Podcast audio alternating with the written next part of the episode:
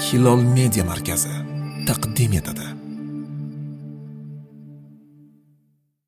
Tarbiya ham ota onalarning burchi va farzandlarning haqqidir. Tarbiya so'zi arabcha robba fe'lidan olingan bo'lib o'stirdi ziyoda qildi rioyasiga oldi rahbarlik qildi va isloh qildi kabi ma'nolarni bildiradi. Musulmon ulamolar tarbiyani bir necha xil ta'rif qilganlar. Jumladan imom bayzoviy uni quyidagicha ta'riflaydi. Tarbiya bir narsani asta sekin kamoliga yetkazishdir. Rog'ib asfihoniy tarbiyani quyidagicha ta'rif qiladi. Tarbiya bir narsani bir holdan ikkinchi holga o'tkaza borib batamomlik nuqtasiga yetkazishdir. Tarbiyaning ma'nolaridan biri insonning diniy fikriy va axloqiy quvvatlarini uyg'unlik hamda muvozanat ila o'stirishdir.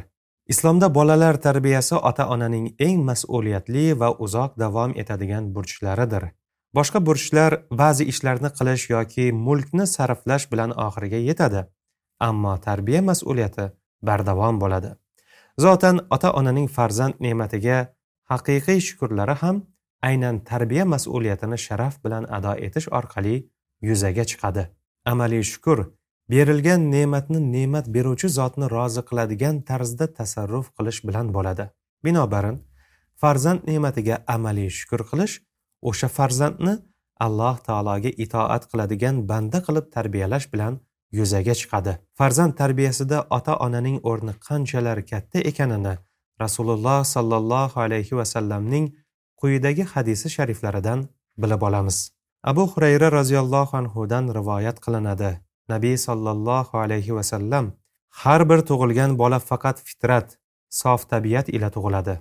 Bas ota onasi uni yahudiy yoki nasroniy yoki majusiy qiladi. Bu xuddi hayvonning bus butun hayvon tug'ishiga o'xshaydi. Siz unda quloq burni kesilganini his qilganmisiz? dedilar. So'ngra abu xurayra agar xohlasangiz bu alloh odamlarni yaratgan asl tabiatdir allohning yaratganini o'zgartirib bo'lmas mana shu to'g'ri dindir degan oyatni o'qing der edi to'rtovlari rivoyat qilishgan. Ushbu hadisi sharifda alloh taolo insonlarni yaratish paytida sof tabiat bilan yaratsa ham keyinchalik insonlar xususan ota ona tarbiyasi sababli bu soflikka futur yetishi uning buzilishi haqida so'z ketmoqda. Fitrat sof tabiat dinni to'g'ri qabul qilishga bo'lgan qobiliyat deganidir. Nabiy sollallohu alayhi vasallam dunyoda tug'iladigan har bir bola sof tabiat bilan alloh taoloning dinini qabul qilish qobiliyati bilan tug'ilishi haqida xabar bermoqdalar. Demak alloh taolo hech kimni avvaldan sen yahudiy bo'lasan sen nasroniy bo'lasan sen majusiy bo'lasan deb majbur qilmaydi. Odamlarning turli dinga mansub bo'lishiga sabab bor. Bas ota onasi uni yahudiy yoki nasroniy yoki majusiy qiladi. Ya'ni ota onalar bolalarini o'z dinlarida tarbiyalashlari oqibatida bolalarning sof tabiati buzilib yahudiy nasroniy va majusiy bo'lib qoladilar. Shu joyda nabiy sollallohu alayhi vasallam ushbu ma'noni to'liqroq tushuntirish maqsadida sahobai ikromlarga hissiy bir misol keltirmoqdalar. Bu xuddi hayvonning bus butun hayvon tug'ishiga o'xshaydi. Siz unda quloq burni kesilganini his qilganmisiz? Ya'ni har bir hayvon bolasi onasidan bus butun tug'iladi birortasining qulog'i yoki burni kesilmagan bo'ladi. Ammo egalari belgi qo'yish maqsadida va yana boshqa niyatda ularning quloqlarini burunlarini kesadilar. Va hokazo. Shunga o'xshab inson ham onadan sof tabiat bilan tug'iladi. U yahudiy nasroniy yoki majusiy bo'lib tug'ilmaydi. Ota onasining tarbiyasi tufayli yahudiy nasroniy yoki majusiy bo'ladi. Alloh taolo bu dunyodagi narsalarni sababiyat qonuni ila bir biriga bog'lab qo'ygan. Och inson taom yemasa qorni to'ymaydi. Ota ona qo'shilmasa bola tug'ilmaydi. Xuddi shuningdek tarbiya berilmasa inson tarbiyali odobli bo'lib voyaga yetmaydi. Shuning uchun ham islomda bola tarbiyasiga alohida e'tibor beriladi. Bola tarbiyasi sohasi mutaxassislari bolaning tarbiyasini tug'ilishi bilan boshlash kerak deyishadi.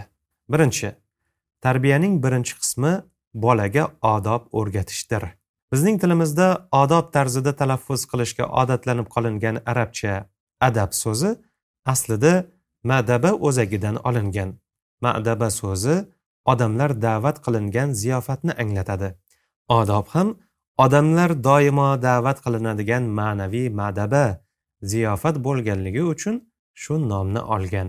Abu muhammad kitabul vahiy nomli asarida odob odamlarni maqtalgan narsalarga chaqirgani uchun odob deb nomlangan deydi. Abu zayd rahmatullohi alayh odob fazilatlardan biriga eltuvchi yaxshi urinishga ishlatiladigan ismdir degan. Odobning ta'rifida quyidagiga o'xshash gaplar ham kelgan. Maqtovga sazovor so'z va amalni qilish odobdir. Karamli axloqlarni ushlash odobdir. O'zingdan kattani ulug'lab o'zingdan kichikka mehr ko'rsatishing odobdir. Bu va shunga o'xshash ta'riflarning to'plamidan islomda ko'zlangan odob ta'rifi yuzaga keladi. Hozirgi kunda g'arb madaniyati ta'sirida odobni madaniyat deyish ham joriy bo'lgan. Misol uchun ovqatlanish odobi deyish o'rniga ovqatlanish madaniyati deyiladi. Odob masalasini insoniyat tarixida to'laqonli ravishda islom boshlab bergan desak mubolag'a qilmagan bo'lamiz. Islomda inson hayotidagi har bir narsaning o'z odobi bor. Dunyodagi odobga bag'ishlangan asarlarning asosini va ko'pchiligini islom xalqlari vakillari tomonidan yozilgan asarlar tashkil qiladi degan gapda zarracha mubolag'a yo'q.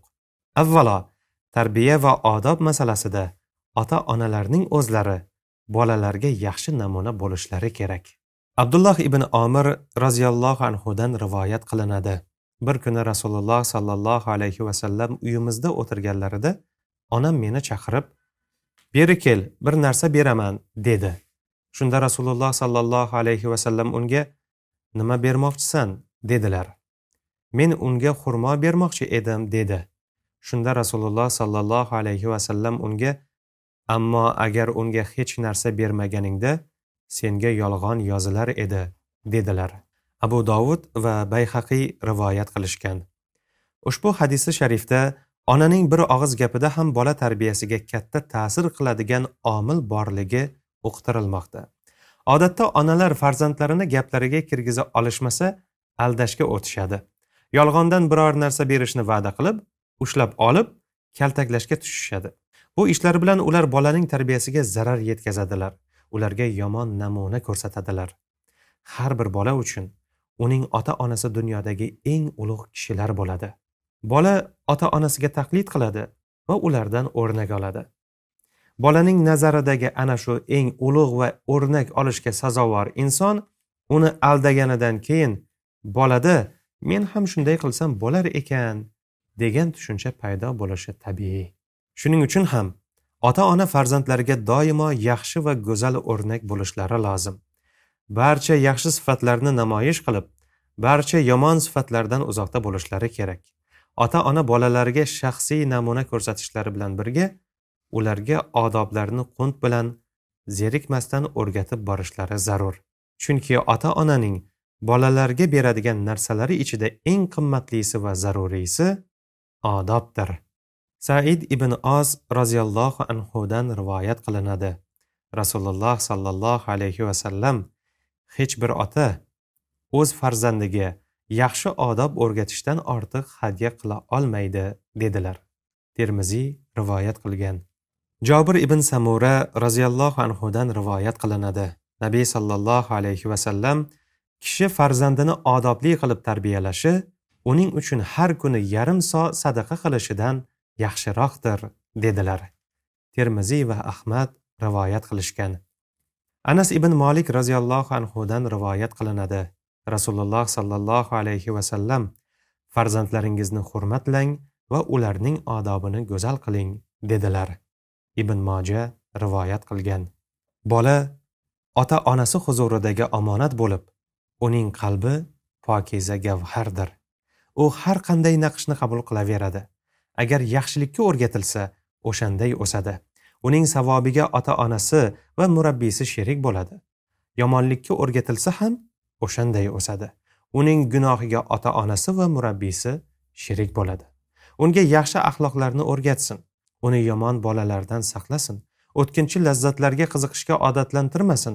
Uni zebu ziynatga ruju qo'yishga qiziqtirmasin.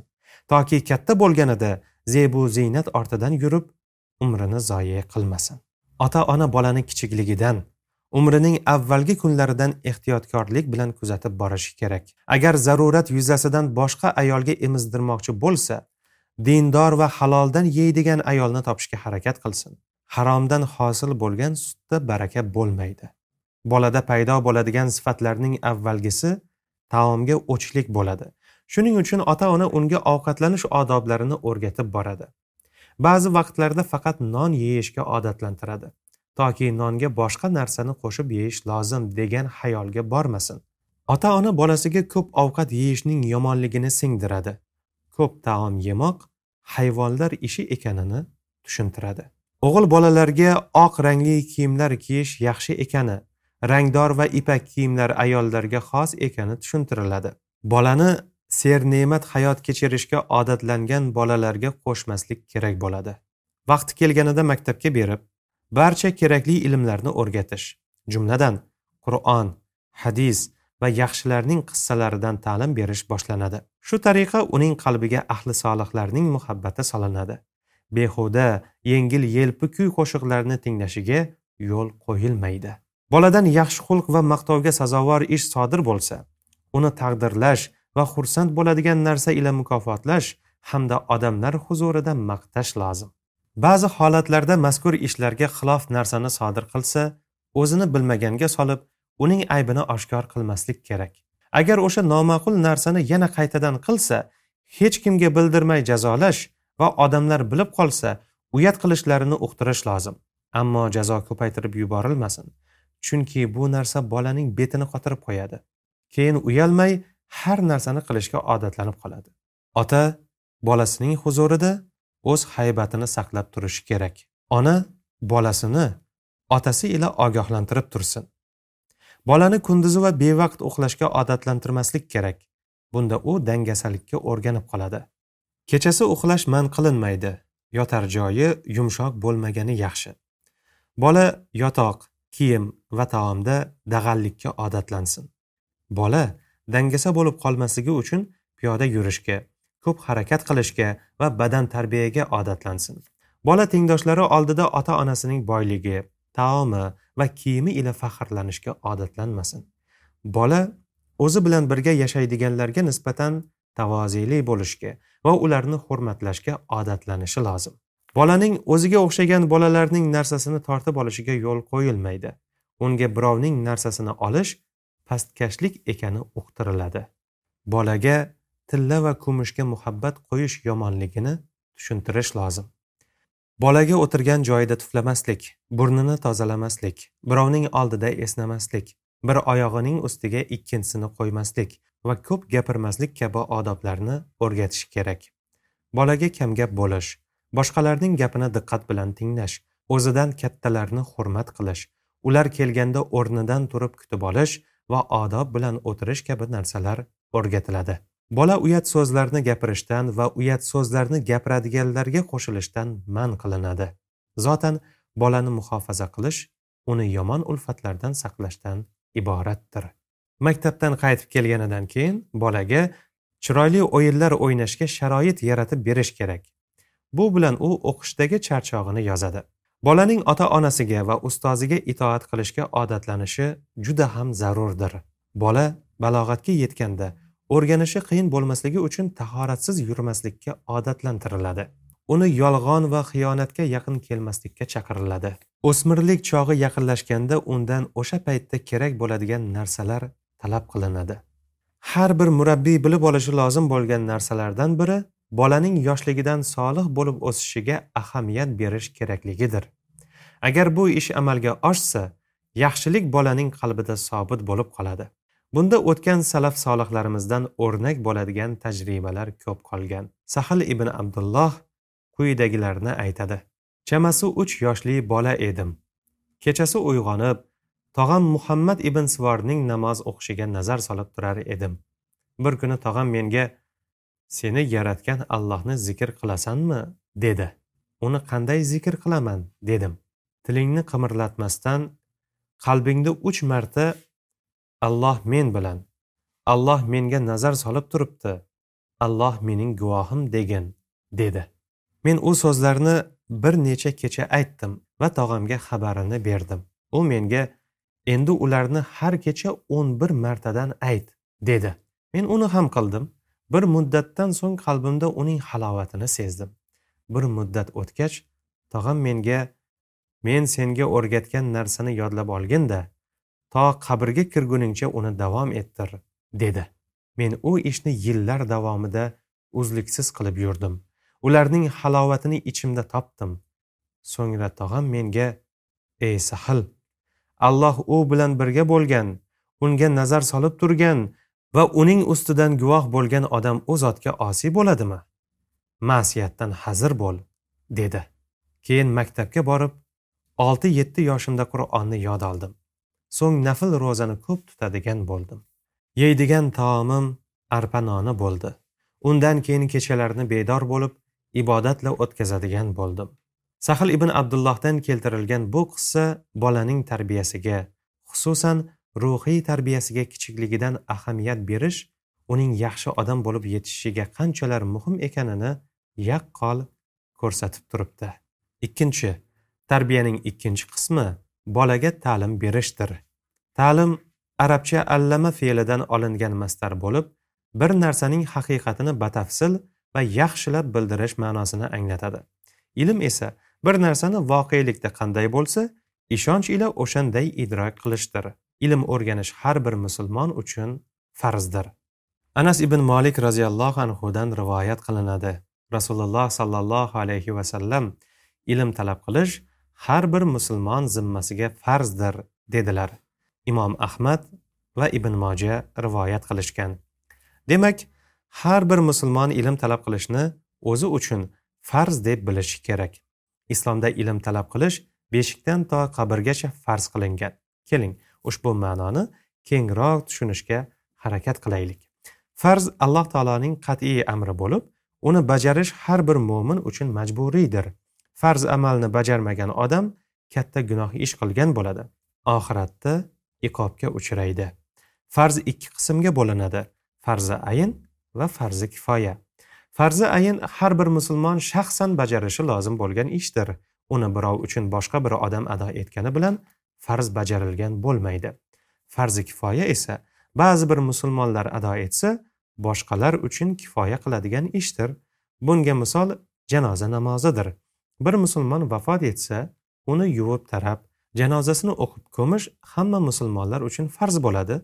Ammo farzi kifoya bo'lgani uchun ba'zi musulmonlar janozasini o'qisa kifoya boshqalardan farz soqit bo'ladi. Ilm talab qilish borasida farzning ikkala qismi ham ishtirok etadi. Har bir musulmon uchun o'ziga kerak narsani hayoti uchun zaruriy ilmni dinu diyonatni halol haromni bilib olishda zarur bo'lgan barcha narsani o'rganish farzi ayindir. Har bir musulmon bu ishni qilishi shart. Qilmagan odam gunohkor bo'ladi. Musulmonlar jamoasi uchun kerakli bo'lgan hunar va ilmlarni talab qilish esa farzi kifoyadir.